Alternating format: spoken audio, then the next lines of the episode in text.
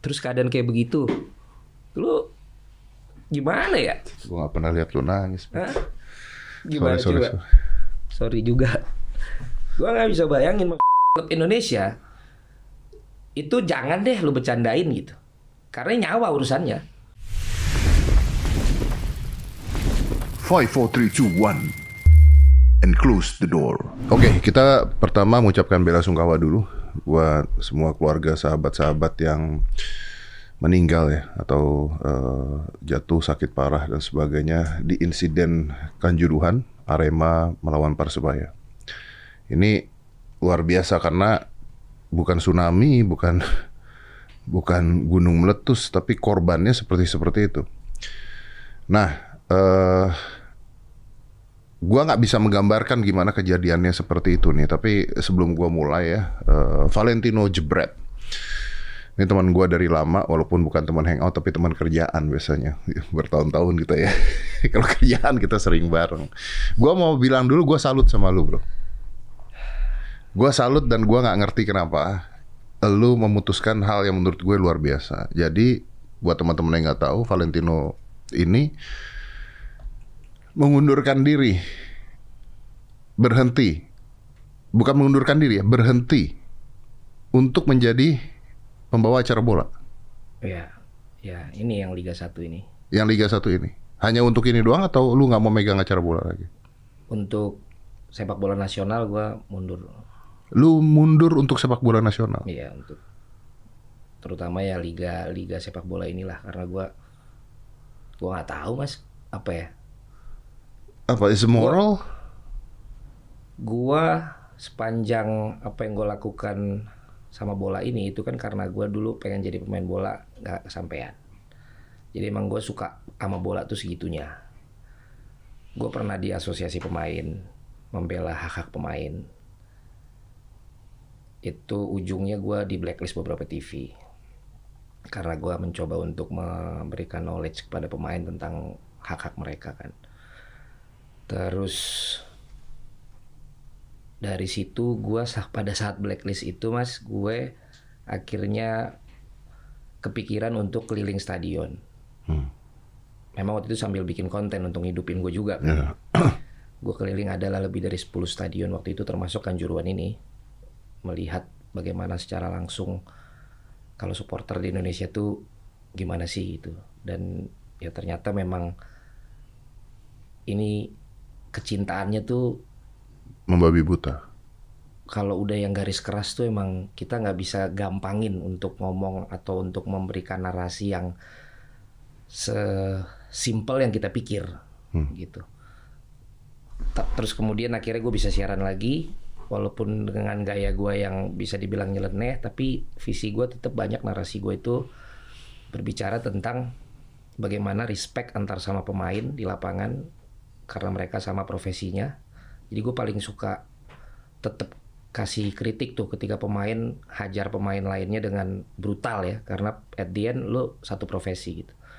Terus satu lagi adalah respect antar supporter.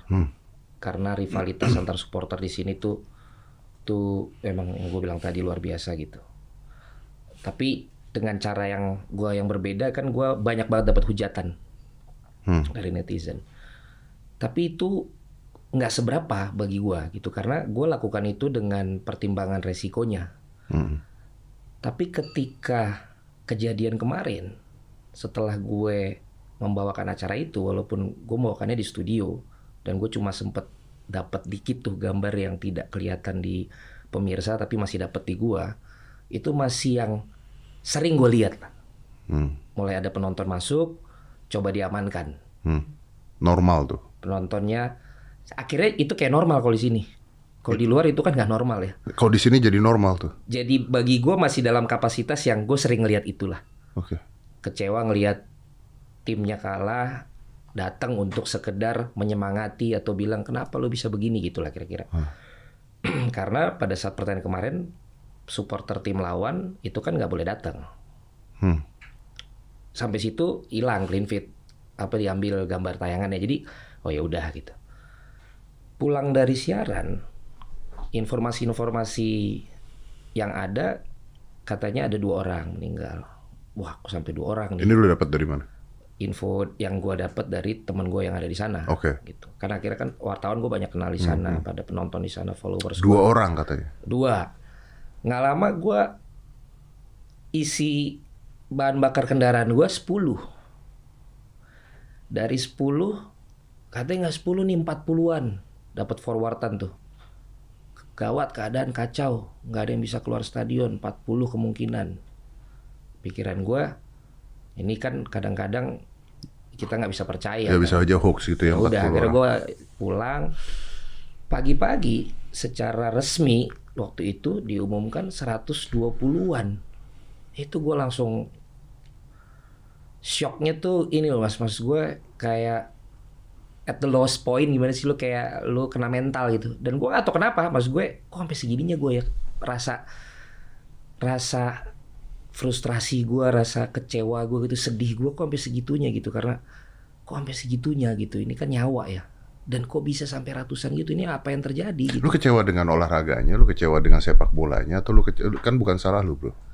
makanya itu yang gue bilang kalau ditanya apa relasi apa korelasinya apa hubungannya itu purely secara emosional aja waktu itu gue kayak Capek. drop aja gitu gue kayak sekian gue tuh kayak pengen itu tuh dengan dengan adanya gue jadi A B C tadi itu kan itulah paling nggak kontribusi gue di bola inilah Di hatinya lu capek dong.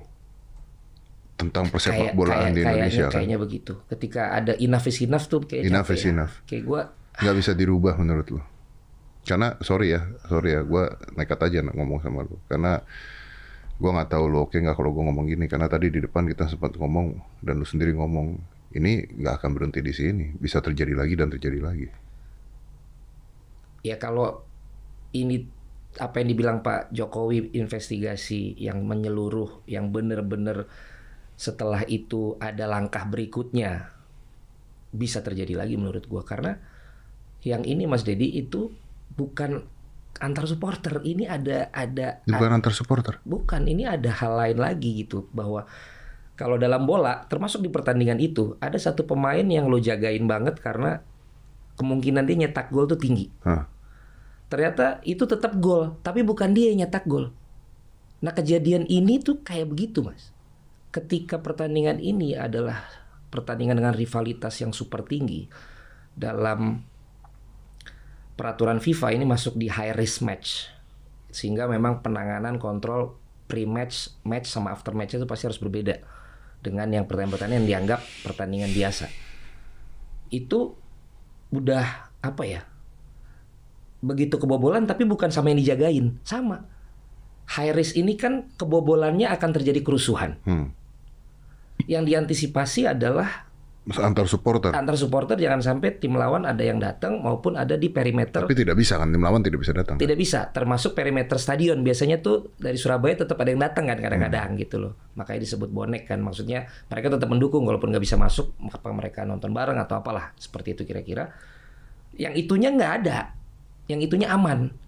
Tapi kayak miss yang sekarang terjadi gitu. Karena kalah satu bagi gua bukan kalahnya tapi lebih kepada proses penanganan dan keamanan di dalam stadion. Oke. Sebelum gua lari ke proses keamanan dan eh, keamanan dan penanganan di stadion ya, Bro ya. Kita tadi sempat ngobrol di depan. Gue juga nggak tahu is oke buat lu nggak kalau gua ngomong seperti ini. Gue tadi sempat ngobrol sama dia di depan. Gua nanya, eh sorry, bini gua nanya gitu. Tapi kenapa ada anak-anak balita di sana yang dibawa ke stadion dan sampai akhirnya ada yang meninggal juga gitu. Gua menjawab ke bini gua tadi, Eh, dia bilang kan ya kalau acara konser deh konser yang gila-gilaan kita kan nggak mungkin bawa anak balita kita gitu kan. Gue menjawab karena konser dengan sport tuh beda menurut gue sport itu family entertainment. Kita lahir kecil keluarga nonton teriak bareng-bareng seru bareng-bareng is become family entertainment gitu. Tapi ketika gue lagi ngobrol seperti itu tiba-tiba gue correct me if I'm wrong ya gue tiba-tiba ngeliat lu muka lu berubah gitu kan. Dan ini yang gue nggak expect dari lu. Lu mengatakan ini salah gue juga sih sebenarnya. Kenapa bisa ada anak-anak nonton bola di sana? Nah, itu yang bagian dari ketika gue drop itu tuh yang paling dropnya adalah ketika gue dengar banyak anak di bawah umur dan ibu ibu-ibu yang tidak bisa menyelamatkan diri karena dalam situasi ini disebutnya uh, crowd behavior penonton bola itu emang kita harus siap desak-desakan masuk dan kita harus siap desak-desakan kabur Ini udah biasa nih ya. ini udah biasa Oke. apalagi kalau full pack stadionnya Ah. karena udah pasti jumlah yang ada di penon di tribun dengan exit gate itu kan Kecil. Hmm. memang nggak gede dia gitu ada standarisasinya lah nah yang buatku sangat sedih mas gue sering ngomong bahwa sekarang sepak bola Indonesia itu lebih mengasihkan lu bisa bawa keluarga lu untuk datang lu jangan takut lagi karena sekarang stadion itu tempat yang ramah buat family recreation, re- re- recreations. Dari mana lu bisa mengatakan itu tempat yang ramah? Karena apa? Karena beberapa musim terakhir dengan semakin banyak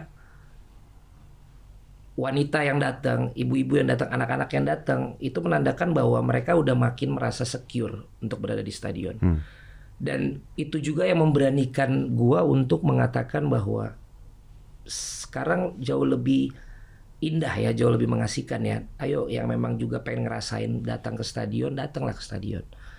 Karena merasakan datang di stadion mendukung tim itu dengan lo menyaksikan di televisi itu sensasinya berbeda. Ditambah lagi secara data gua dihujat oleh orang-orang yang sangat football addict Hmm. karena bahasa gua nggak masuk di mereka karena di mereka bahasanya adalah bahasa yang Eh, teknik. technically glossary football Yap. sementara gua menggunakan bahasa yang lebih gampang dicerna tapi ternyata diterima oleh segmen penonton gue tuh ibu-ibu dan anak-anak mas Dedi dan itu banyak terjadi Family. ketika ketika gua keliling sekolah sepak bola ketika gua ketemu orang di jalan temen gua bilang nyokap gue sekarang lebih sedang nonton bola karena kalau dengerin lu ngomong tuh Asik. bahasanya enak gampang didengar. Anak-anak wah karena gue kasih julukan-julukan pada senang gitu. Dan akhirnya ketika mereka udah merasa senang terus pengen nyoba datang ke stadion tapi ternyata dalam satu momen terjadi tragedi seperti ini mas Dedi apakah gue berdosa nggak gue ngomong bahwa stadion itu udah aman bahwa ayo datang ke stadion gitu. Sementara pada akhirnya dia lihat stadion tuh kayak begini gitu. Stadion tuh mengerikan untuk kejadian kemarin ya. Bukan pada saat pertandingan ya, tapi maksud saya akhirnya nih, pada saat akhirnya kan begitu. Mungkin tidak pernah ada dalam pemikiran mereka bahwa wah kan udah nggak ada supporter lawan nih, jadi pasti lebih Aman. lebih aman gitu. Tapi ternyata ada hal lain yang kita nggak bisa Nggak terantisip, nggak ter- terpikirkan. terpikirkan, terantisipasi itu terjadi gitu. Dan ketika lu nggak biasa ke stadion, mas, dengan pertandingan yang begitu tinggi tensinya dan dalam hal ini gua bersimpati juga sama pendukung Arema kan mereka harus kalah di kandang Hmm. menghadapi tim rivalnya gitu sehingga bukan lagi kekecewaan kepada supporter lawan tapi mungkin kekecewaan kepada tim sendiri sehingga itu mulai ada yang masuk ke dalam lapangan gitu. Nah, sementara yang tidak masuk kan banyak juga, Mas. Yang memang di tribun. Ya nggak tahu apa-apa. Yang nggak tahu apa-apa yang mereka menunggu mau Mau apa nih endingnya? mau apa dan mau keluar kan. Kan dia mau keluar stadion habis pulang. Nah, kalau yang nggak terbiasa yang tadi gue bilang untuk desek-desekan masuk dan desek-desekan keluar, yang seharusnya juga dalam standar operasional itu di stadion itu sebenarnya ada requirement-nya untuk itu gitu, tapi mungkin itu jadi jadi PR juga. Mungkin kaget mas, mungkin shock dan ketika lu udah shock, udah kaget, lu mau nyelamatin diri lu dan anak lu sendiri, tapi semua juga kepikirannya sama, pasti kan lo chaos. Ini bukan lagi situasi yang Ayo, ayo, pasti bukan begitu menurut gua ya. Oh iya, pasti. Ini pasti situasi yang udah kita cari selamat dulu pokoknya. Ya, semuanya berpikir tentang diri sendiri pada saat Menurut gua. Gua pasti. ya makanya menurut gua nggak tahu kalau teman-teman yang ada di sana itu menurut gua kebanyakan pasti begitu kalau yang tadi gua bilang ibu-ibu dan anak-anak. Ya, ya, ya. Survival mode. Yes. Di survival mode. Dan satu jatuh, Mas. habis. Lu udah tahu dong. Ah, habis. Semua desak-desakan udah nggak lagi nggak tahu ada yang kita pada saat jatuh dalam ribuan orang kan nggak mungkin eh si itu jatuh Lu nolongin nunduk ke bawah keinjek juga. Eh, lu nolongin lu kedorong jatuh lagi jatuh lagi sementara katanya juga kondisi mereka dalam keadaan sesek kan yang bikin tambah panik itu kan karena katanya dalam Gas air keadaan mata. sesek Karena gas air mata. ya sekali lagi gua nggak tahu apakah itu terkonfirmasi atau tidak tetapi dalam pemberitaan-pemberitaan kan ada Ya, pemberitaan. buangan dari gas air mata Betul. itu Lu pernah kena gas air mata nggak? pernah gua Itu sakit satu itu muka emang panas. perih sesek gua harus kita harus pakai itu kan Nah, untuk odol untuk semua. ini gitu. Ya itu mas ketika gua bayangkan itu gitu terus kayak gua waktu itu ngomong lo datang aja ke stadion gitu. Terus lo lihat ada bapak yang gendong anaknya anak gua kan tiga. Dan gua sampai hari ini makanya gua nggak berani ngajak anak gua ke stadion. Di sini. Karena bagi gua gua aja kadang masuk stadion gua memang harus survival mode gue sendiri juga Lu bayangin kalau anak lu, lu bawa. Iya, ketika gue bawa bawa anak gue gitu pertama kali terus keadaan kayak begitu lu gimana ya Gua gak pernah lihat lu nangis. Hah? gimana sorry, coba sorry. sorry juga gue nggak bisa bayangin maksud gue kayak cita-cita gue juga mau bawa anak gue nonton nonton bola gitu loh di sini gitu Dan lu gak berani bawa anak. Ya gue pikir bahwa kayak gue salah ya karena anak gue sekarang suka bola kan gitu kok nggak pernah gue ajak ya gitu karena akhirnya janji gue adalah kita mending nonton di ini dulu deh Tapi lu ngajak orang di TV. tapi gue be- bernarasi itu loh bahwa kita Itu datang ke aman. stadion segala macam gitu dan ternyata ada kejadian seperti itu. jadi mungkin nggak ada korelasinya tapi ini lebih kepada emosional gue sendiri aja gitu Tapi lu tahu kan berapa banyak rezeki lu yang hilang? Ya kalau kalau balik ke situ gue udah biasa struggling soalnya. Jadi gue orang yang kenal gue pasti tahu gue bukan duit patokannya. Hmm. karena gue udah biasa dipecat gue udah biasa di blacklist.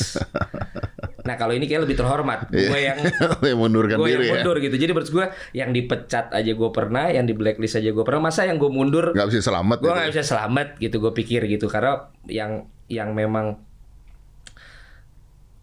mungkin kelemahan gue juga kalau kata orang-orang tuh adalah ya kadang lu tuh terlalu ada idealisnya gitu. Sehingga ada hal yang lu dengan anak lo sekarang tiga segala macam lu pikirin nggak nih kemungkinan lu juga emang yakin lo akan survive? Gue tahu lu ada gue punya apa yang jebret media yang YouTube juga gue itu juga tetap kan sebenarnya masih struggling. Terus ada juga ya sekarang digital lah gitu. Tapi orang kan akan bilang lo lo lo kan perlu kayak guarantee juga untuk anak lo sekolah segala macam. Gue bilang ya ketika apa ya gue sih mikir ketika udah lo nggak berhasrat lagi melakukan sesuatu Ya. lo nggak pikir bahwa itu menjadi penyemangat lo. Tapi ada uang di sana. Waktunya berhenti. Buat apa lo ambil kalau Iya, begitu Waktunya berhenti. Gitu. buat apa lo ambil karena lo juga nggak akan maksimal di tempat itu padahal tempat itu menginginkan lo untuk maksimal kan kan itu dalam surat pengunduran diri gue gue sebut bahwa kondisi gue yang sangat apa yang sangat tidak semangat lagi dan sangat sedih ini pasti kalau gue paksakan pun tidak akan baik untuk tempat di mana gue bekerja yang berharap gue tetap maksimal gitu orang akan bilang ya tapi ini kan ntar juga akan akan ini lagi akan lupa segala macam itu gue bilang gue menolak lupa nih untuk ini Bro, tapi ketika lu ngomong berhenti ya. Gue waktu itu kan ketika gue bilang gue berhenti main sulap gitu ya. Gue berhenti beneran. Ya gue masih main lah, eh, tapi nggak dibayar kalau teman gue atau apa. Tapi gue berhenti dari bisnis sulapnya. Ada juga penyanyi yang bilang berhenti nyanyi, tapi ternyata gimmick supaya bisa nyanyi lagi. Gitu. ya Lu tahu kan ketika lu ngomong berhenti ini akan diingat orang. ya ya betul makanya gue gue menyebutnya gini mas Dedi gue berhenti untuk membawakan sepak bola nasional ini untuk Ya, liga oke. ini untuk liga ini gitu karena digital gue juga sebenarnya kan sports juga Ya, bola juga. bola juga gitu dan kita kalau ledek-ledekan klub luar tuh walaupun walaupun kacau ledek-ledekannya tapi kemungkinan hidup kita selamat tuh lebih tinggi mas tapi kalau klub Indonesia itu jangan deh lu bercandain gitu karena nyawa urusannya I'm serius, gue serius banget. Itu nyawa urusannya. Makanya gue juga punya program yang untuk sepak bola dalam negeri kan. Jadi kalau lu candain Jangan mas. Makanya gue pasti akan sangat, Is serius man? gue pasti akan tengil kalau Liverpool lawan Manchester United. Kasar-kasar ngomongnya nggak apa-apa, tapi udah sampai ngomongan kasar doang gitu. Tapi begitu lu ngomongin sepak bola Indonesia antara klub dari kota ini, Lu tengil dah gitu. ini, Ya kalah lu gitu. eh, Habis lu. udah habis. Mungkin ya rumah lu bisa didatengin, studio lu bisa didatengin. Segitu mas. Makanya gue kan selalu sering dipancing. Lu kalau Liga Indonesia lu belain mana? Gue bilang gue tim nasional Indonesia. Nggak ada gue klub lokal. Ah lu bohong lu, lu kan nggak netral lu, lu kan Persija banget lu. Pasti banyak yang bilang gitu. Terus nanti di sementara di Persija pada bilang lu tuh kan Viking lu, lu kan Bandung banget lu. Karena lu gua kuliah di Bandung kan. Ntar ada yang klaim lagi, ah nggak mungkin lah, lu kan pasti PSMS lu, lu kan orang Batak lu, lu kan Medan lu. Jadi gua pasti setiap ditanya, gua tidak membela klub mana pun di Indonesia. Mending golput ya. Iya. Karena lu karena lu uh, center of attention, man. Gue timnas Indonesia gitu. Walaupun akhirnya tetap aja kalau asumsi kan gua nggak bisa kontrol ya. Ah lu lu nggak netral, Iya, lu iya, bawa iya. ini ini bawa ini. Bahaya, Bro ya. bahaya bro makanya kita nggak akan pernah termasuk narsum kita atau apa kalau sepak bola lokal lu bernyali pun ya mending lu pikir-pikir lah karena ini urusannya emang Is that from experience lu pernah ngomong gitu terus kesikat orang? eh, banyak contoh yang lain Wah, dan gua nggak mau lu belajar dari pengalaman orang belajar lain. dari pengalaman orang lain gua nggak mau ya Iya. lu bayangin kita kalau partainya rival mas kita pakai pakai mobil itu loh panser tau nggak pemain tuh masuk mobil panser Hah? Iya jadi misalnya kayak contohnya ya misalnya harusnya kan kemarin habis Persebaya lawan Arema lawan Persebaya kan Persib lawan Persija. Heeh. Kalau Persija datang ke Bandung ya berarti ini nanti dari pengawalan tuh udah mulai dari tol. Pengawalan apa? Pengawalan mobil, Pengawalan disiapkan oleh siapa? Pemerintah. pengawalan yang disiapkan oleh tim dan mungkin juga penyelenggara liga karena di tengah jalan pun ada kemungkinan diserang kan. Jadi bukan bukan bus tuh ya. Kalau udah yang sangat high risk bisa pakai mobil perang itu. Gila. Makanya kan pelatih Jerman ada yang di sini tuh sama pokoknya pelatih luar kalau ke sini tahu rivalitas itu kan pada kaget juga. Karena sampai segitunya lu diamankannya gitu. Karena ya memang gue setuju karena memang harus seserius itu penanganannya karena sefanatik itu. Wow. Sefanatik itu. Mas. Wow. Makanya gue bilang tadi, ini sebenarnya masalah fanatismenya kemarin untuk dengan penonton Nggak lawan ada sebenarnya. mm, aman. Aman. Tapi ternyata ini kita kecolongannya di hal yang lain. Berarti ini lebih dari K-pop ya, Bros. Bah, ya gitulah militannya. ya, ya kurang lebih. Makanya banyak yang bilang K-pop tuh banyak penonton bola ya gitu. Iya. Karena kok kok, kok sama Kok gitu. sama ya? Perilakunya sama Kok gitu ya. sama gitu. Yang memang yang memang die hard ya Mas ya. Ya, ya, banyak kita, juga. kita yang enggak lah banyak yang enggak tapi Oh, yang banyak die yang hard ya enggak. seperti Banyak itulah. yang enggak. Ada oknum juga ada, semua juga ada Yes, seperti jadi itu. nggak semua kita nggak generalis. Tapi anyway lu ketika berhenti lu kan harus ngumumin lu kan harus ngirim surat ke TV dong. Diterima aja gitu berhenti, oke. ditanya lagi. Gua gua tetap gua tetap harus terlibat administrasi dong. Heeh. Gitu. Kalau gua umumkan langsung tanpa gua ngomong, gua cari sensasi berarti kan. Tiba-tiba gua nongol lagi di sini. Gitu. Tapi kenapa gua keluarinnya juga kemarin akhirnya malam karena gua menunggu respon juga dari teman-teman di tempat gua bekerja. Terus satu dua ada tiga akhirnya yang gue kontak dan yang paling tinggi dari yang tiga ini eh, ya bilang berarti lu kabur dong gitu berarti lu lari dong dari keadaan ini gitu harusnya kan kita sama-sama Nah, not laris. ya bahasanya seperti bahwa, bahwa ki- ki- kita kan sebagai station juga terpukul juga nih. Mas gue lu sebagai bagian dari kita juga malah harusnya lu corongnya untuk bagaimana ini bisa kita bangun lagi lebih sehat lagi lebih baik lagi. Which is gue terima bahwa ya ada benernya Ada juga. benernya betul. Tapi gue ngomong seperti yang murni seperti yang gue omongin sama lo barusan bahwa mas di surat itu nggak ada yang gue lebih-lebihin nggak ada yang gue kurang-kurangin. Gue juga nggak tahu kenapa emang gue udah nggak bisa aja nih kayaknya ngelihat kondisi begini mas. Daripada ntar gue nggak maksimal. Ya coba dipikirin lagi seminggu dan ada beberapa kita discuss lah gitu. Tapi akhirnya ada poin di mana ada kata-kata begini. Tapi kalau emang lu udah bulat keputusannya kita respect dengan alasan lu. Ya bagi gue tuh udah green light untuk Oke. akhirnya gue gue gua gua gua, gua informasikan. Dan dan dan gue bingungnya biasanya tuh tetap aja ada yang nyinyir sama gue dan malah biasanya mostly itu nyinyir kalau komen di gue gitu. Tapi entah kenapa nih postingan yang ini No, because ya, karena lu moral lu yang berbicara. semua kayak lah kayak ini gue pertama kali dalam beberapa tahun gitu nih kok positif gini ya komennya? Gue karena gue udah terbiasa dengan head speech Dengan head ke gue gitu. Ini kayak gue malah kayak bingung sendiri ah ya ya tapi kan itu apa terus terus gimana lu ntar kan gitu banyak yang kayak gitu kan gitu. Ya tapi lebih ke situ lah mas karena kayak sekarang aja nih misalnya orang mulai ngomong tentang siapa yang salah siapa yang benar. Oke. Orang ngomong tentang solusi Siapa yang salah siapa yang benar? nah makanya gue lebih tertarik kita kalau gue kemarin gue bilang pendataan aja sebenarnya yang yang meninggal dunia antara satu dengan lain kan berbeda-beda kemarin Ya. ada satu akhirnya yang menjadi rilis resmi kan kemarin di 125 Hmm. tapi kok sempat ada seliweran bahwa menurut 129. menurut source yang ini dan itu cukup capable menurut gua source-nya gitu.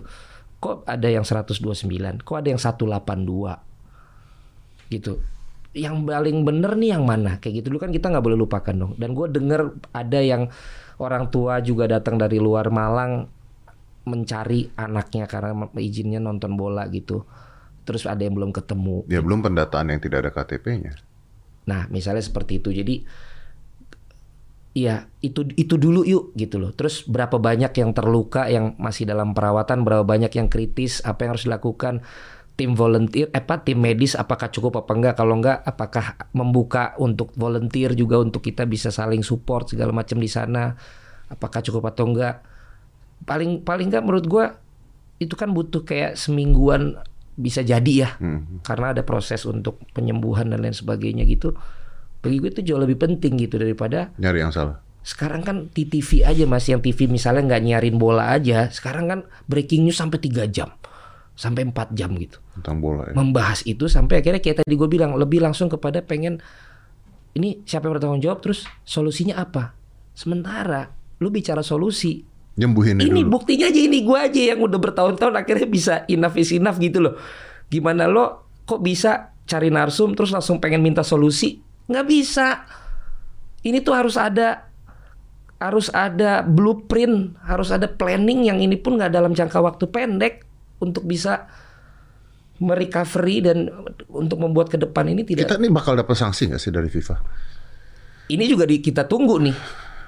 Ini juga kita Nah tunggu. kalau ini gua nggak nanya solusi, tapi menurut lu kayak begini kejadiannya kita bakal dapat sanksi nggak dari FIFA? Lu kan pengalaman banget nih. ya melihat dari korban yang secara data kita pakai yang data resmi kemarin di press conference 125. Artinya ini masuk ke dalam big three disaster paling gede di sepak bola.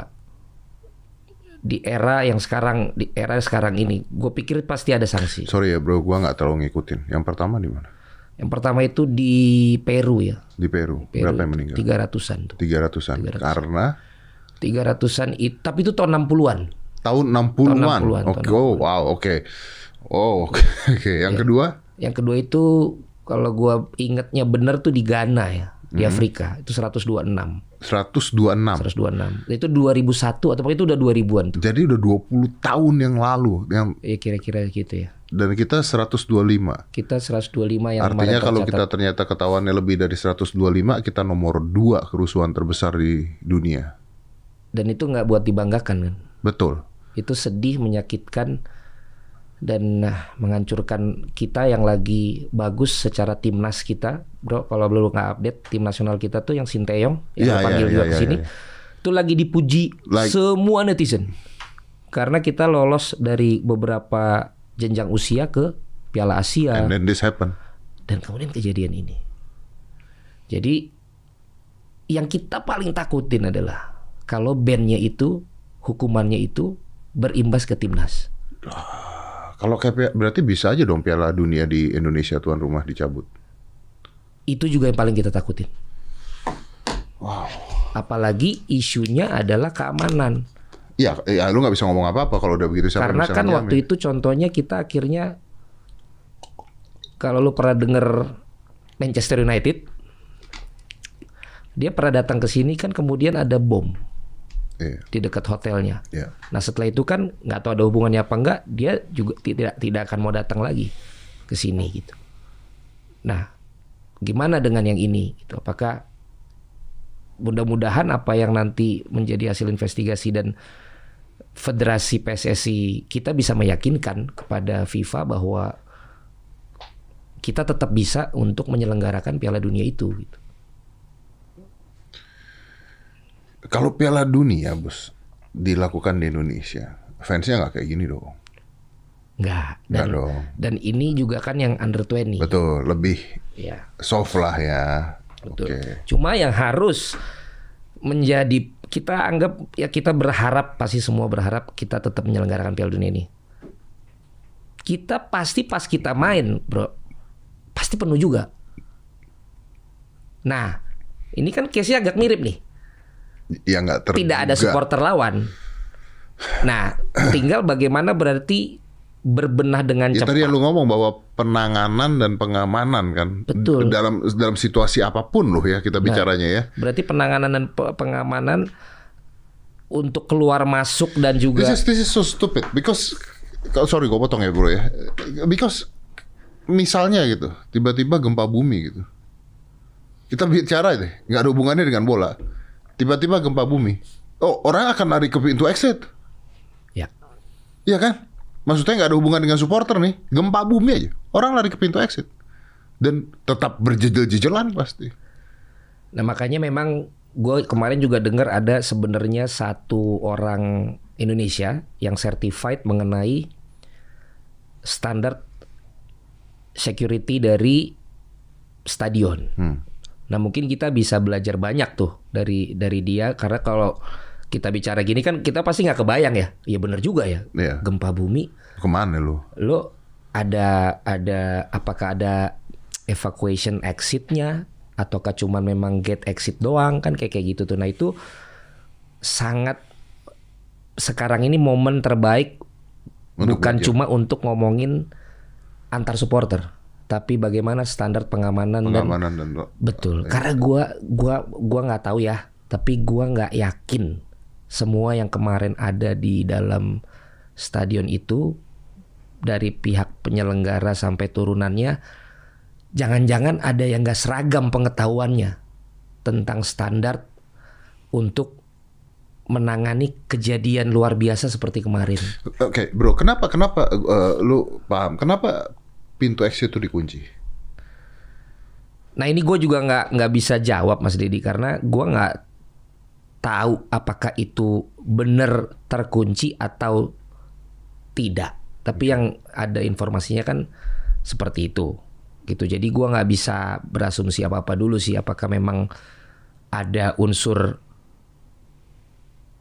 beberapa alasan kenapa itu dikunci ataupun juga apakah memang itu permanen tertutup sebenarnya bukan dari situ keluarnya. Nah itu kan gua nggak tahu juga. Jadi kalau emang itu sebenarnya pintu keluar tapi sampai terkunci ya berarti kan ada kelalaian di situ. Hmm. Karena ya namanya itu pintu keluar pasti harus di ini kan gitu. Apakah juga misalnya itu emergency exit yang memang selama ini ditutup Ya, kecuali, kecuali sedang dalam keadaan yang darurat. Iris keadaan darurat. Nah mung- mungkin juga ketika dalam keadaan darurat panik nggak pernah ngadepin begitu yang harusnya udah ngebuka itu mungkin menolong yang lain nah itu kan kita, Ya, kita jadi nggak- jadi kita asumsi paham. semua Iya, iya, nggak tahu juga Kita tap- Kalau video-video yang beredar tuh bener gak sih? yang Ya. air mata ditembakkan ke tribun dan sebagainya. Nah, gua gua juga nggak bisa mengkonfirmasi, tapi yang jelas ada yang memang benar-benar ngambil gambar purely dia yang lagi di stadion Iya, gue lihat karena gas air matanya di tribun gitu. dan orang-orang yang membuat kerusuhan, maaf ya, itu kan yang ada di bawah kan. Mereka malah enak bisa jalan-jalan, bisa lari kan. Mhm. Ya, ya sebenarnya kan ketika di luar negeri eh, stadion itu tidak ada pagar, secara regulasi itu tempat paling aman untuk lo kabur kalau ada kejadian apa apa ke tengah lapangan. Oh. Gitu, gempa atau apa gitu karena itu kan terbuka, terus lu bisa kumpul banyak. Oh, gue Nah, baru tahu. Jadi kalau misalnya ada kejadian seperti itu, kita harusnya larinya ke tengah lapangan, Salah bukan satu keluar. salah satu tempat untuk evakuasinya itu dibawa juga ke tengah. Karena Tapi kan sulit kalau ke tengah di situ ada polisi dan sebagainya. Mikirnya malah menyerang nanti kan. ya eh, makanya gue bilang di luar itu kan nggak pakai pagar Ya, ya, ya. dan itu tentu yang tadi gue bilang untuk situasi tertentu Situasi apakah tertentu. gempa bumi atau apa ya. Oke. oke, Nah, oke. ketika kita masih pakai pagar, regulasi berbeda lagi. Setahu gue di aturan itu harus ada gate exit Hmm. sama ada tadi emergency exit. Jadi memang yang khusus kalau terjadi keadaan darurat gitu. Oke. Untuk untuk Di aturan FIFA juga kalau nggak salah gas air mata tidak dibolehkan. Betul nggak? secara regulasi. Ya. Secara regulasi di 19B ya. Kalau gua baca tuh bahwa tidak boleh dibawa maupun tidak boleh digunakan kalau secara FIFA ya. Secara FIFA. aturannya. Gitu. Di dalam dia FIFA Stadium Safety and Security Regulations. Oke, oke. Oke, karena memang kayaknya ada aturan itu. Tapi di luar itu kalau kita bicara dari kepolisian atau mencari siapa yang salah dan sebagainya, di sini banyak sekali katanya kesalahan-kesalahan. Bahkan sampai jam tanding saja harusnya tidak jam itu. Jumlah penonton tidak sebanyak itu harusnya. Banyak tiket-tiket yang harusnya 39 ribu jadi 49 ribu kalau nggak salah. Apa itu selalu terjadi? mengenai yang mengenai tadi secara jam dulu. Secara jam memang sudah disepakati jam yang kemarin. Hmm. Da, tapi memang ada informasi ada pengajuan untuk dimajukan lebih awal. Nah, gua nggak tahu tuh gimana prosesnya. Tapi yang jelas gue sebagai host waktu itu callingannya maju setengah jam. Karena biasanya kalau match itu gue masuk studio jam 8, jam setengah 9 kick off. Nah kemarin itu kita udah masuk di setengah 8, jam 8 kick off. Artinya udah ada majuin Oke. setengah jam jamnya. Kemudian untuk yang over capacity biasanya kita tuh akan ada pengumuman tuh di menit-menit 75 hari ini yang datang berapa banyak. Nah kemarin gua nggak tahu tuh official announcementnya yang datang ada berapa Ini banyak. pertanyaan tolol ya bro ya. Tapi bisa nggak sih orang masuk ke sana pakai calo? Menurut pengalaman aja. Gua nggak mengatakan mereka pakai calo, tapi menurut pengalaman orang konser aja bisa pakai calo masuk. Nah ini juga ini juga rame karena ini kita bicara general ya. Ya, kita bicara- kita nggak bicara- gua bicarakan juruan Iya. ya. Dari pengalaman gua keliling 10 stadion itu namanya calo ada. Bahkan gua nonton Piala Dunia di Rusia gue beli dari calo. Cuma calo ini kan sekarang macam-macam. Ada yang jadi calo beneran masih nawar-nawarin. nawar. Ada yang sekarang berubah menjadi reseller. Dan di luar negeri pun menjadi reseller tuh resmi. Jadi lo kayak udah officialnya habis tapi lo jual di online lo masih punya tiket dan harganya tinggi gitu. Ya. Jadi Tapi maksud gua adalah calo-calo yang bisa masukin lu tanpa tiket-tiket bener. oh tanpa tiket. Tanpa tiket. Kalau tanpa tiket sih gua nggak pernah ya karena gue selalu kalau ke stadion pun gue memang pengen experience itu. Jadi biasanya gue tetap beli dari calo biasa harganya lebih mahal. Tapi tiket asli. Tapi tiket asli. Oke. Tapi Tiket asli. Nah kalau yang tiket palsu, gua nggak belum pernah dapetin. Nah makanya sekarang juga ada beberapa klub yang mulai semuanya harus online. Setelah beli online baru bisa ditukar Hmm. tiketnya itu untuk untuk mengurangi resiko itu. Nah cuma memang yang gua harus sampaikan ini oknum lah yang pasti. Ini oknum lah yang pasti. Gua sering dapat kabar kalau gua lagi nonton di beberapa stadion gitu ya. Itu ada tuh misalnya eh, pejabat tertentu, saya mau datang nih sama keluarga enam orang. Nah, tolong disiapin. Nah, itu gua nggak tahu tuh dia pakai tiket apa enggak tuh. Terus si yang ini bilang lagi, kita juga mau nonton nih sekian orang. Sehingga kadang-kadang di VVI di VIP pun tuh kayak over Population. overload gitu karena padahal ini VIP gitu. Ah, tapi itu kan VIP. VIP kan nggak nggak nggak nggak nggak nggak sebanyak apa namanya nggak sebanyak yang, Yang di bawah. Di bawah. Nah, bukan di bawah nggak nggak sebanyak yang kalau di bola tuh disebut ada kurva surd, ada kurva north. Itu yang fanatik-fanatik tuh yang di sisi utara dan di sisi selatan. Baru di sisi timur itu yang memang penonton-penonton. Biasanya kalau di VIP terus kemudian di sisi barat sini itu penonton rekreasional, Bro. Oh, Dia datang- doyan entertain. entertain dia datang untuk senang lagi weekend dia datang untuk selfie dia datang untuk date sama pasangannya. Kalau yang di sini-sini, dia datang sama keluarga. Nah kalau di kurva kalau di utara selatan sama timur itu emang biasanya fanatik. penonton yang memang Penonton bola fanatik. penonton bola. Penonton bola yang memang dia bawa bendera dia koreo koreo tuh mereka kan punya Iya, lagu iyalah, nyanyi dan apalah, lain ya, sebagainya. nah itu yang memang biasanya ketemunya sama ketemu lagi dia ketemu dia lagi Iya, tuh iya. karena emang dia udah Ya, komunitas udah lah ya. rutin Iya, gitu loh. Makanya kalau di luar negeri kan ada membership tahunan Ah, but is it overpopulation tidak kemarin? Nah itu gue bilang kemarin gue nggak mendapat data yang fix ketika announcer ngomong gue lagi pas nggak denger tuh pas siaran tuh berapa yang diumumkan karena yang diumumkan secara resmi kita akhirnya dapat kan yang announcer umumkan. Nah tapi apakah yang diumumkan announcer itu tepat dengan yang datang itu yang kita nggak tahu. tahu, Karena kadang-kadang jujur jujurly orang sekarang ya. Pas kita dengar segitu, ah kayaknya penuh deh. Nah, tapi kan kita nggak pernah bisa Ngitung. ngitung sebenarnya berapa tapi udah diumumkan segitu ya fix Nah, makanya itu masuk ke dalam aturan lagi-lagi eh, FIFA Security 7 tadi bagaimana cara lu bisa menghitung secara pasti orang yang datang tuh berapa Ya berarti harus online dan tanpa oknum. Betul cuman ma- biasanya kan oknum ini yang Iya. banyak Online-nya mah gampang ya, oknumnya itu yang susah. Nah, itu itu itu kadang-kadang dan antara selagi lagi ini general antara single seat dengan yang communal seat kan lu ngitungnya beda. Iya betul. Itu kalau lu udah per seat kan gampang, udah pasti seatnya penuh ya segitu orangnya. Bro, dengan adanya ini kan sebenarnya ada beberapa hal yang kena ya kalau menurut gue ya. Hmm, lu pribadi kena. Mentally. Eh, kepolisian kena karena ada dugaan lah menggunakan gas air mata dan sebagainya. Tapi yang lebih besar lagi, sepak bola Indonesia kena menurut gue.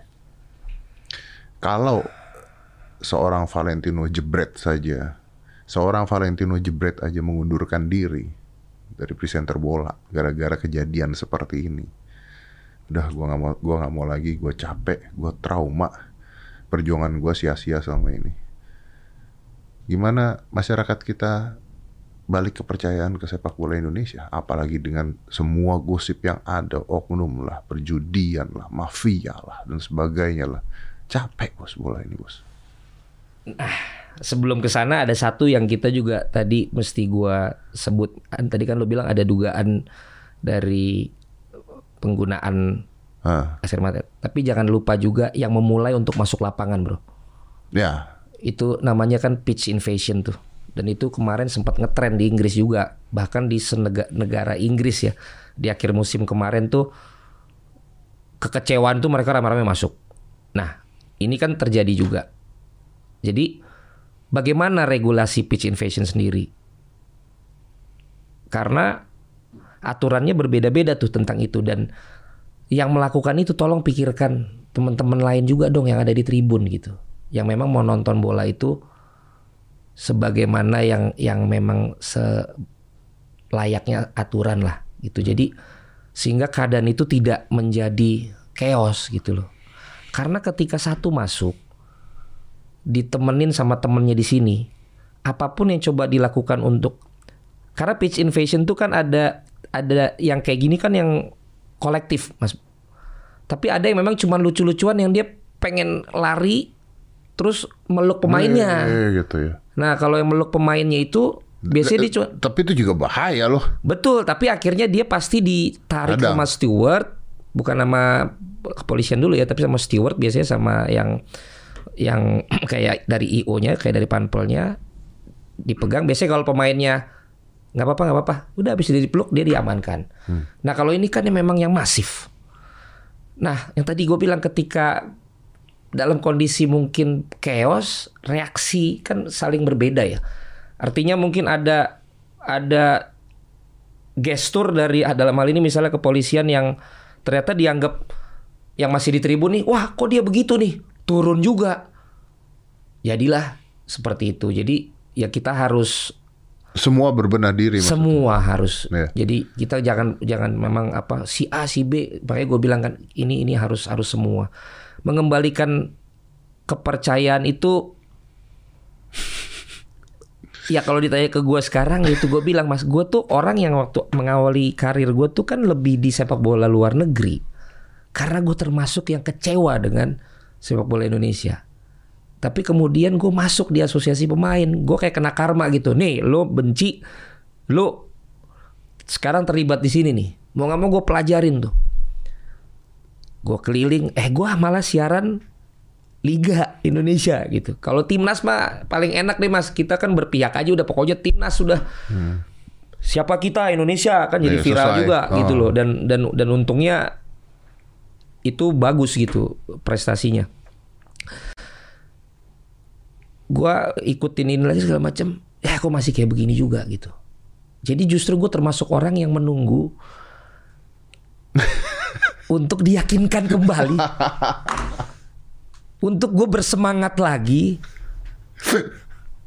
dalam pertanyaan lu tadi gitu justru gue termasuk yang lagi kena mental untuk dikasih semangat lagi apa yang gue harus lihat bahwa gue lu percaya gua lagi gitu percaya ya. lagi sungguh kalau Iya. timnas no worries lah gue tetap support gue tetap yakin tapi untuk gue percaya dengan liga ini gue percaya dengan kenyamanan, keamanan kita untuk menonton. Gue percaya bahwa supporter ini bisa bersatu, respect satu dengan yang lain, dan lain sebagainya itu justru gue juga termasuk orang yang sedang perlu untuk dibuat percaya. Makanya itu juga gue gue nggak bilang bahwa sampai dengan evaluasi berakhir kan gue mundur kan. Iya, gue iya. bilang gue mundur aja karena Iya. kan nggak pernah tahu juga kapan itu. Iya gitu. benar-benar. Ya mungkin aja lu balik ketika semuanya wow kapan kalau. Ya makanya ada, ada benernya tadi gue bilang temen apa bos gue di TV bilang ya berarti lo lari dong. Ya ada benernya tapi kayak gue emang lagi nggak bisa untuk berjuang untuk itu lagi gitu. Iya. Kondisi gue bener-bener hancur hati gue. Mas kayak gue nggak tahu lah kalau lo misalnya apa sih yang paling lu cintai ya gue nggak ngerti apa Dan lebih mengecewakan lebih gitu ya. sulap atau lebih ke gym lo gitu ya. Tapi ada kejadian yang bukannya mengecewakan tapi ngancurin hati lu gitu Iya. loh Mas. Dia kayak 200 apa 125 orang gitu It's not worth it gitu ya. itu tuh ya ampun mas nonton bola gitu nonton bola bayangin loh dan tahun 60-an itu kan terrecord sampai sekarang. Berarti ini kan akan terrecord di 2022 ini. Sampai kapan pun. Dan ya respectnya komunitas internasional kan kemarin juga bahkan liga-liga luar one minute silence memberikan apa ya sampai segitunya lah bahwa ini tuh emang disaster gitu. Disaster yang yang terjadi gitu. Ya paling nggak paling nggak menangani korban dan yang sedang sakit ini kita harus lakukan yang terbaik gitu Nah. itu dulu deh Ya itu dulu kita tanggulangi ya.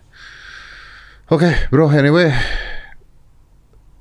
sebelum gua tutup nih obrolan kita kayaknya dari tadi sendu ya. Biasanya kalau kita ketemu happy happy. Kayaknya gue sebenarnya juga Mas lu undang gua kok pas lagi begini, pas gua lagi drop-dropnya gitu. Iya kan? Biasanya kalau ketemu dia tuh ya senyum. Ini tuh kan sama kayak orang- Tadi gue undang di depan rokok diem sendirian. Orang lagi sayang-sayangnya ditinggal gitu kan. Kalau ini orang lagi drop-dropnya diundang. Eh, Oke, terakhir, terakhir, terakhir. Lu minum dulu deh. Terakhir. Lu nggak mikir bos? Yang memperebutkan posisi lu nih banyak loh. Kalau ini bahasnya satu episode lagi bos. Karena yang ngejulitin gua kan bukan cuma netizen. Oh, oh, oh, Sesama presenter. profesi juga. ya, pertanyaannya apa mas? Tapi gua paham lah. Maksudnya dulu waktu gua perform ya, waktu gua main sulap ya. ya kan gua kenal lo main sulap Iya masih. betul. Gua juara dunia udah gua, ya kan. Tapi dijulitinnya pasti kalau sama pesulap-pesulap itu pasti dari Corbusier tuh mainannya jelek. Oh sama sesama. Iya, mainannya jelek. Dia tuh cuman bagus ngomongnya doang gitu. Dan gua akui memang. Gua- Sama sama gua. karena memang banyak yang mungkin tekniknya lebih bagus daripada gua dan sebagainya. Tapi, dude, this is entertainment business. Yes, yes. This is entertainment business. Lu, lu kalau mau lihat teknik-teknik yang bagus begitu, lu jangan eh, jangan jadi performer. Lu ikut lomba-lomba aja gitu maksudnya. Karena bikin become entertainer ya, lu harus full package bos. Mhm. Knowledge harus ada, ini harus ada. Dan kayaknya nggak ada yang bisa gantiin jebret dari zaman kapan lu. Iya. Yang akhirnya lo manggil gua itu kan. The master ya. Iya, master. Gue juga, loh kok dia kayak melihat potensi gue nih di luar bola gitu. Tapi itu bener loh mas. Maksud gue, sekarang yang orang-orang itu yang lebih pintar dari lu mana? Ya hilang, Iya kan? hilang. Kurang lebih gue juga bilang, yang lebih baik dari gue Banyak mungkin. banyak. Yang lebih punya bahasa sepak bola itu banyak. Yang gitu. bertahan. Tapi kan lah dari 2000 lu dari tahun berapa sih? Ya kayak gua boomingnya kan 2013. Heeh. Ya arti kan udah mau 10 tahun. Maksud gue ya dalam 9 tahun itu mana lagi nih gitu kan. Kok apa yang lain masih tetap dengan frame yang tetap sama gitu kan. Nah, gue selalu bilang yang terbaik udah ada, yang yang yang pertama udah ada, yang terbaik udah ada, yang terunik Yang beda ya. Nah akhirnya gue ambil posisi gue, gue bukan yang pertama, gue bukan yang terbaik ya, gue yang coba yang terunik aja gitu. Walaupun akhirnya tadi banyak ini itu ini tuh, but at the end dengan menyedihkan gue step down untuk yang Liga 1 ini, tapi baru kali ini gue dapat komen kok respect semua bro. Karena selama ini gue selalu dapat komen itu yang yang kadang tuh kayak bini gue juga kayak lu bisa tahan, lu kan, Tahan lu kan ya. emo- lu kan emosian, kok lu tahan sih baca-baca yang begitu? Gue bilang ya itu kan orang yang nggak kenal. Gue bilang makanya pas ini ya ya udah seperti itu makanya ya personal branding ya bos ya. Balik lagi ke situ kan. Ya memang sih. Dan lo bisa switch yang dari situ terus ke talk show itu sih gue pelajari juga tuh. Ya lu juga udah ke mana-mana. Ya bukan mas gue ya kan lo ya gitulah pokoknya lah. Kayak ada kerjaan gak nih bos? Ketawa boleh akhirnya ya. Ketawa boleh dong. Boleh, boleh, boleh, boleh, boleh. Tapi mas gue boleh share satu gak nih? Boleh, boleh, yuk. lebih ke lebih ke knowledge sih untuk untuk apa yang gue sampaikan tadi jujur gue nggak expertise di bidang yang tadi gue bilang FIFA Stadium Safety and Security Regulations tapi menurut gue ini yang sekarang harus kita angkat mas. Oke. tentang FIFA Stadium Safety and Security Regulations. Karena di situ semua tuh ada mas sampai membahas tentang crowd management. Lalu juga tentang emergency services. Sampai bagaimana sih ketika lo harus ngatur ya tadi entry point dengan exit point dengan emergency point. Itu diatur semua sebenarnya ternyata ada. Terus bagaimana lo menangani yang dibilang crowd behavior karena ada beberapa fasenya. Fase begini tuh lo harus ngapain? Fase begini harus ngapain? Pihak-pihak yang ada di di situ tuh. Dan di sini diizinkan memang ada yang namanya steward. Itu biasanya kalau kita nonton di luar tuh yang pakai baju-baju yang glow in the dark tuh. Hmm. sama ada dibantu oleh pihak misalnya kepolisian. Itu memang itu memang diatur gitu. Nah, gua keliling stadion di luar negeri sama di sini, gua tuh masih jarang melihat bahwa steward itu tuh Berfungsi. kelihatan baik secara fisiknya maupun perannya. Gue di sini masih melihat itu lebih banyak untuk handle ngecek tiket. Ketika gue di luar, terakhir gue ke Belanda nih minggu lalu. Ketika ada yang mulai rusuh di depan, justru steward ini yang Masuk sebelum polisi. datang duluan untuk udah mulai tuh mereka saling komunikasi sehingga kita tuh tahu di situ ada ini disamperin dulu. Dan itu gue lihat tuh ada stage masing-masing tuh. Kayak gue tuh eh, nonton Piala Dunia Piala Eropa juga sama. Ada yang ngasih taunya masih ngobrol sambil senyum. Tapi kita bisa lihat tuh perubahannya. Oh kok dia nambah orang nih? Mulai lebih serius gitu. Sampai mulai ada yang harus dipindahin. Nah mindahin pun gue lihat juga berbeda. Misalnya yang rusuh ini kayak nggak bisa dibilangin tapi yang di belakangnya ini yang ngelaporin ke steward. Tapi steward ini bisa lihat kalau lu gua amanin yang ini, lu mungkin ntar nggak selamat. Akhirnya dia pindahin yang ngelaporin ini dapat tempat yang lebih nyaman. Tapi yang ini tetap dijagain misalnya. Nah, salah satu regulasi di sini bahkan disebutkan bahwa ketika kelihatan bahwa akan ada kemungkinan pitch invasions, akan ada kemungkinan aggressive behavior. Bahkan di situ dikatakan steward itu bisa melakukan barikade duluan di depan pagar gitu misalnya. Jadi udah udah kelihatan gitu. Dan ini semua gua gua nggak tahu di sini pasti udah ada juga termonitor oleh satu control room yang berkomunikasi bahwa di tribun itu lo harus kasih perhatian lebih deh. Kayaknya mau begini-begini nih. Jadi ada memang pakar behavior juga yang terlibat di sini untuk bisa tahu ini kayak calon bakal begini nih, situasi ini bakal begitu nih. Sehingga at least kita nggak akan pernah bisa memang mengontrol semua ribuan puluhan ribu orang itu, tapi represifnya tuh meng- me- me- mengurangi mengurangi resiko bahwa itu terjadinya tuh kita harus lebih tinggi Mas Dedi. Di sini nggak ada. gua nggak tahu, makanya gue bilang Oke. ternyata aturan ini sangat udah sangat lengkap Jadi ini sekali. ini sebelum eh, pihak yang berwajib masuk ya berarti ya? Iya, jadi Iya jadi jadi memang pihak yang berwajib itu tetap Ada. tetap dalam aturan ini pun ada, tapi yang muncul dulu harusnya steward. Ya, kalau tidak terkendali oleh mereka, Betul. Bahkan di sini dikatakan bahwa sebisa mungkin karena ini ditayangkan televisi, steward, kemudian polisi dan pihak pengamanan lain itu sebisa mungkin harus dalam uh, low profile low profile uh, pakaian, kemudian juga tidak malah yang terlalu terlihat. Jadi harus dalam membuat tuh suasana memang nyaman ada di situ. Lalu kemudian juga uh, dikatakan bahwa nah steward ini tidak boleh nonton. Di, di sini ditulis steward itu dipekerjakan bukan untuk menonton, tapi untuk bukan untuk menonton bola, tapi untuk menonton dan mengontrol penonton. penonton. Ya, ya, Jadi ya. makanya kalau kita lihat di luar negeri ngadepnya tuh ke ke penonton kan. Ya, ya, ya. Dan gue saksikan sendiri selama gue keliling ke beberapa stadion di luar negeri dan mereka aktif banget Ya, mas. karena mereka kontrol basicnya kan, Bener. pengontrol kan. Gue sempat rusuh tuh kemarin di di Nottingham. Oke. Itu melawan Liverpool. Itu benar-benar kita juga kelihatan wah ada mau ribut ada mau ribut. Tapi emang itu tuh kelihatan semua tuh sudah ser- sudah apa ya? Sudah tertraining. Jadi Certified lah gitu ya. certified bahwa penanganannya pun kita bahkan ngelihat aja kayak ada tahu stepnya gitu. Oh ini lagi gini nih. Nggak jadi ribut itu. nggak jadi. Nggak jadi padahal udah wah sama kayak di sini Mas. Di situ udah lempar-lemparan bir, malah kan di situ bir boleh Iya, masuk. betul. Udah kasih gerakan tangan yang apalah apa. Akhirnya bisa ini.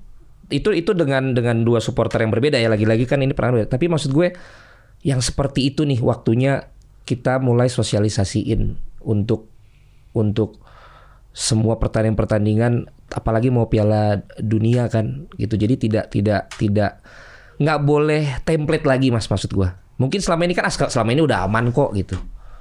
Ya, walaupun harganya sangat mahal yang kita alamin ini paling nggak ketika kita mulai lihat aturan ini ternyata lengkap banget diatur gitu dan apakah kita sudah memenuhi requirement itu. Berarti maksud lo sebenarnya blueprintnya sudah ada. aturannya sudah ada. Nah, pakai gue bilang fokus kita kan dari kemarin kan abis covid kita apresiasi lah akhirnya liga ini bisa berjalan dengan segala kekurangannya dulu tanpa penonton sekarang mulai ada penonton. Kemudian mulai memperbaiki dari sisi uh, tiketing dan lain sebagainya. Mulai memperbaiki dari kalau rivalitas tuh gimana nanganinnya. Nah, yang ini emang isu ini tuh akhirnya pasti harus yang menjadi paling lah ya. berperan nih yang ini sekarang. Ternyata untuk Apa sebutannya bos? Steward. steward ya, yang biasa pakai Iya. ya kalau di sini mungkin kalau di sini mungkin IO tuh pakai usher gitu ya. Ah, iya iya iya. gitu loh. Jadi memang itu dari pihak bukan dari pihak ke bukan dari pihak kepolisian. Ya tapi kan artinya mereka udah terbagi-bagi dong. Ada yang badannya gede untuk pengamanan, ada yang badannya begini. untuk Iya dan dong. dan gua ngeliat tuh Iya kan? rata-rata pas di luar emang lumayan badannya juga Iya gitu. dong, karena mereka harus tahu nih ngadepin-ngadepin beginian kalau kejadian seperti apa-apa kan. Bener dan eh, semua harus ada trainingnya di sini terus jadi memang udah udah seragam cara penanganan dan lain sebagainya. Yang buka pintu nanti siapa? Yang... Nah yang kayak kayak gitu makanya gue juga sangat amazed ya ketika nonton itu kok bisa ya ketika gue masuk itu lancar gitu terus pas keluar juga cepet terus habis itu bisa udah aja masing-masing udah Bro, gue potong, maaf gue potong. Artinya kalau kejadian seperti ini dan terjadinya di luar negeri, nggak akan seperti ini dong hancurnya. Nah makanya kan kalau kita lihat dalam kejadian-kejadian besar itu kan si yang yang Inggris kejadian itu yang Liverpool itu di di Sheffield tapi tahun 89 itu namanya Hillsborough. Itu mirip itu mirip Mas Dedi jadi penonton udah terlalu full dia ditaruh di di bagian penonton yang berdiri ambruk. Nah itu sama. Begitu ambruk panik eh, itu itu Justice for 96 96 orang itu tahun 89 habis itu mereka sangat ketat sekali untuk untuk penanganan stadion seperti itu. Makanya terus mereka juga udah nggak ada pagar segala macam kan gitu. Jadi ya tentu berbeda-beda tiap negara dengan kulturnya masing-masing tapi kalau kita bisa mulai ngomongin tentang eh, penanganan security stadium ini gue rasa ini jadi apa ya momen lah buat kita. Tadi gue bilang bukan saling menyalahkan ini tapi kita jujur-jujuran aja. Apakah memang kita selama ini juga udah tahu nggak sih tentang ini gitu loh? Bahwa ada aturan. takutnya gue tuh belum tahu mas takutnya gue belum tersosialisasikan ke semua yang bekerja itu takutnya gue kalau emang karena itu ya gimana mas emang lu nggak tahu gitu kalau lu tahu tapi lu masih lakukan kan tinggal salah atau bener Takut. tapi ketika lu emang lakukan lu nggak tahu nggak dapat ya, briefingannya tapi kalau nggak tahu berarti kacau sekali. ya takutnya gue Kita punya asosiasi. Ya takutnya gue gue nggak tahu lah. Pokoknya kan ini juga kejadian luar biasa ya. Jadi emang nggak yang nggak yang eh, kita duga lah kayak gitu. Ya tapi mudah-mudahan dengan kejadian seperti ini ya mulai belajar semua lah ya. iya mas. Harus mas ini. Ya langkah habis penanganan korban kan ada investigasi yang sedang dibuat. Dari investigasi kan ada kesimpulan. Nah itu kan untuk memberikan statement apa yang terjadi sebenarnya tapi bahwa FIFA Stadium Safety and Security Regulations itu menjadi isu baru yang harus segera disosialisasikan kepada semua pengelola pertandingan, panpel dan juga stadion-stadion itu harus paling penting menurut gua ketika melihat masalah ini. Jadi bukan cuma takut ada berantemnya, tapi kalaupun kejadian Apa yang harus bagaimana responnya, Ya bagaimana iya mengevakuasinya. benar kayak tadi eh, gempa bumi ini ambruk. Ambruk kan nggak terpikirkan Iya. kan? Iya, karena saking penuhnya Iya, brak. iya, bukan berantem tuh ambruk gitu Iya. kan? Ya kayak kemarin kan apa? yang di stadion baru sempat juga mas, Iya, iya yang di benar. Jiskara berdiri.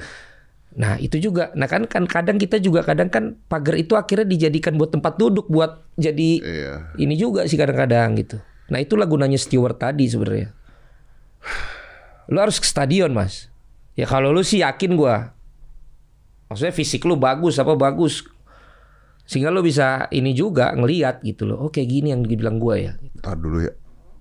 Hah? Ntar dulu. Lah Tunggu. Kalau lu balik. Tuh. Lu aja gak percaya kok. Gua disuruh ke stadion. percaya gue lagi drop aja mas dah itu kira-kira sih thank you lo mas Oke, thank you ya. Ya, tapi ya jebret will always be jebret lah. Ya kan? amin mas. Amin. Ya makanya mas lah. Doain lah YouTube gua juga kan kayak lu juga lah. Ya, lu undang gua dong, tapi lu undang lu mah main bola mulu, gua nggak usah main bola. Nggak boro-boro ngundang lu mas. Lu ada-ada aja ngundang lu.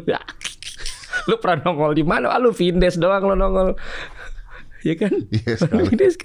Jebret media dong. Ayo dong. Allah, bener deh. Bener bener. Oh, ya. Gue bawa ke sini juga gak apa-apa mas. Bener yang penting ya? dapet lu. Yaudah, ayo. Yang penting dapet lu. Ayo, bener ya? Sekali-sekali dong. Gue tuh kan seneng interview orang juga. Ayo ayo ayo. Sekali-sekali gue dong gali lu. Ayo. Bener ya? Bener, deal. Ya. Sip. Nah kan kalau sama si Sadat kan dealnya saham. Kalau sama gue mau jebret media jadi, ya. Jadi, Ya. oke. Paling enggak gue ada semangat lagi nih. Tinggal ngomong ke Didi langsung gue yain. Siap. Udah gue yain pokoknya siap, ya. siap, siap, siap.